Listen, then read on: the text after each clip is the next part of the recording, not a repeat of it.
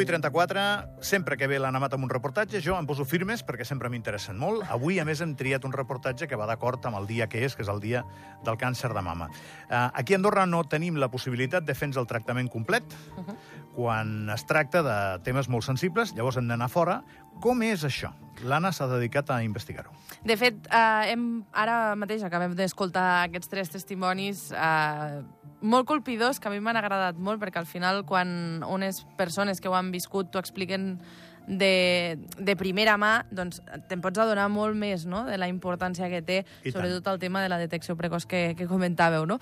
Uh, però nosaltres hem volgut anar una mica més enllà, que és el que, el que dèiem, i hem conegut dues històries més. La del Richard Daniel de los Santos Mendoza, val? que va patir un càncer al pulmó al Com, febrer. Compra-li algun cognom, aquest xicot, també. Sí, també és de les targetes llargues, eh?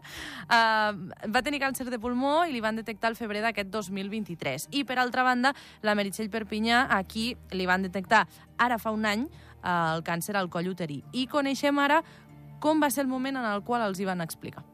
Per mi va ser molt dur. Me va detectar, pues si em sembla que eren, no me recordo bé, por lo menos eren 20 metges que anaven amb mi. 20 metges, digo, què és aquí? I m'ha dit, tens un càncer. Jo volia morir-me. Jo no volia, és que no volia estar aquí, jo volia morir-me. És que a mi va fer una paraula, aquesta paraula és molt forta. Y uno siempre espera, se prepara para lo peor, pero siempre esperando lo mejor. Tener dos opciones. O se quemó y se le ganó, o todavía queda resto y hay que seguir. La peor medida es que quede el resto y se haya disparado. Hay que ser realista ante eso, hay que ser realista. Síntomas ninguno, pero bueno, tampoco lo estuve contra con la quimio y la radio, o sea que ni cuando se me detectó. Un cuerpo medio extraño el mío, pero bueno. Te digo, te preparas siempre para lo peor.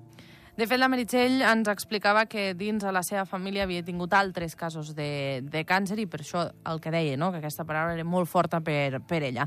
Un gerro d'aigua freda que, segons ens van poder explicar tots dos, no van poder-ho compartir amb un psicòleg al costat.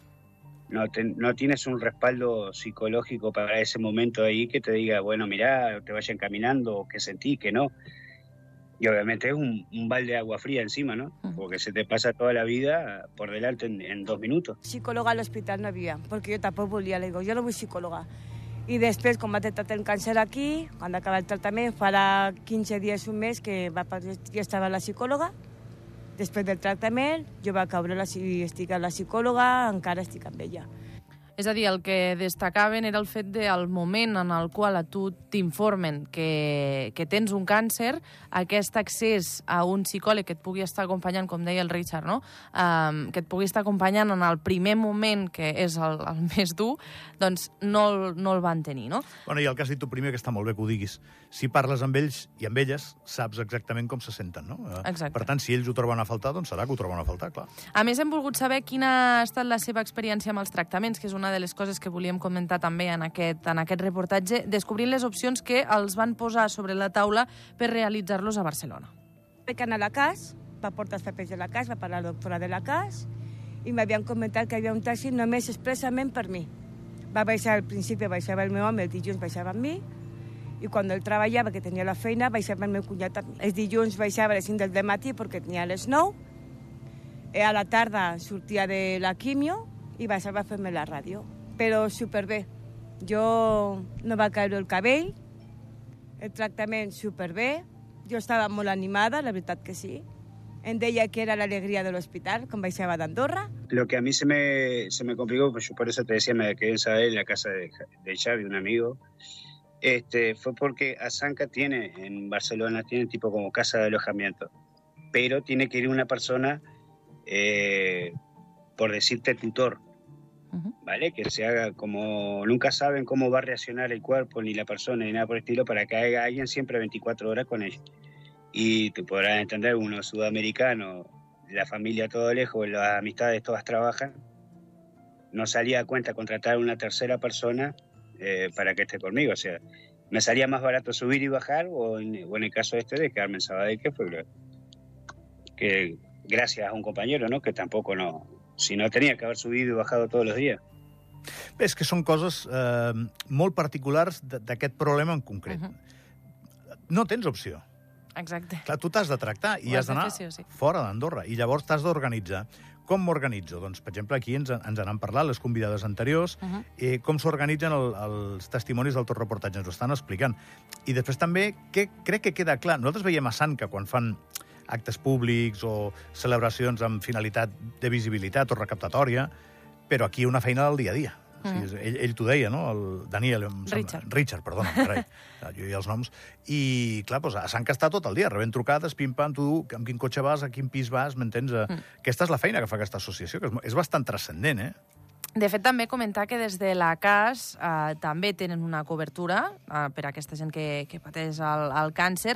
Segons ens han pogut explicar des de, des de la CAS mateix, és un 75% per prestacions, que entrarien doncs, els medicaments, les proves, les visites i tota la resta, i el 90% per hospitalitzacions. Però això ara en parlarem amb més detall, perquè tenim doncs, tots aquests percentatges que també són interessants a conèixer. Eh, de fet, molts d'aquests tractaments, sobretot el tema de la quimioteràpia i la radioteràpia, deixen els pacients, segons hem pogut eh, saber i es comenta, no, els deixen molt xafats. I una de les coses que més reivindiquen des de Sanca des de fa molts anys és aquesta unitat de radioteràpia aquí al país.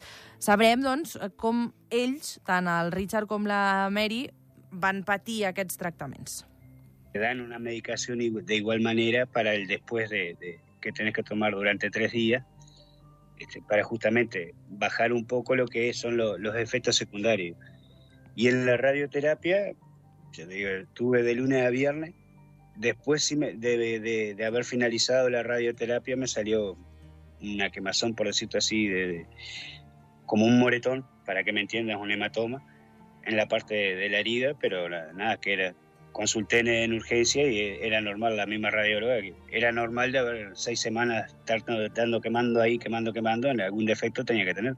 Tant un com l'altre ens explicaven que ells no van sentir marejos al sortir d'aquestes sessions, per tant la tornada doncs, va ser bastant, bastant tranquil·la, no? una bona notícia dins del que seria la, la seva història. De fet, la Meritxell ens explicava que amb ella, a banda de la quimio i la ràdio, li van fer també el que s'anomena braquiteràpia, que és un tipus de radioteràpia interna en la qual es col·loquen mm, llistons o càpsules que contenen una font de radiació a dins del cos, el que seria molt a prop de, del tumor, no? La braquiteràpia, que és un tractament local i tracta només una part específica del cos i a part ens explicava doncs, quin era aquest tractament, quant de temps necessitava per fer-se'l. que estar tot el dia a la cama, al llit, sense moure't. Venia el camiller a buscar-me i estava pues, des del matí fins a la tarda. Tenia que esperar sis hores per fer-me el tractament, perquè eren dues vegades. Sis hores, és que és molt llarg, Tot això. un eh? dia, eh? Perquè a part ja no és només el fet d'estar les 6 hores a, al llit, sinó és el, el trasllat d'anar i tornar, no? Després, quan, quan sortia ella, ens explicava que es sentia bé i, i ho havia passat bé, no? Però s'ha de tenir molt en compte, això. Anem a parlar de la cobertura que ofereix la CAS, que, com dèiem abans, és un 75% per prestacions i un 90% per hospitalitzacions.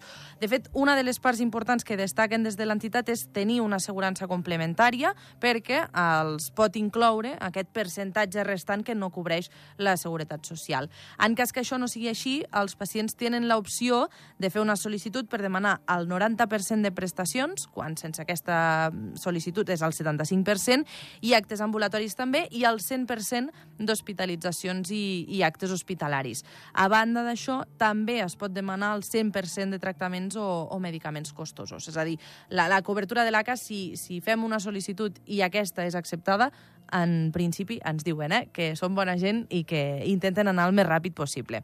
Una altra de les opcions també és optar a aquestes ajudes per fer-se els tractaments de radioteràpia a Barcelona, on ofereixen baixar a Barcelona, pujar a Andorra, allotjament i àpats. I tot això tant pel pacient com també per l'acompanyant. A banda també d'una tarifa que tenen pel tema de les perruques, que són 125 euros, que ja sabem que, que també és un, una temàtica que, que s'hauria de tocar uh, més a fons. No?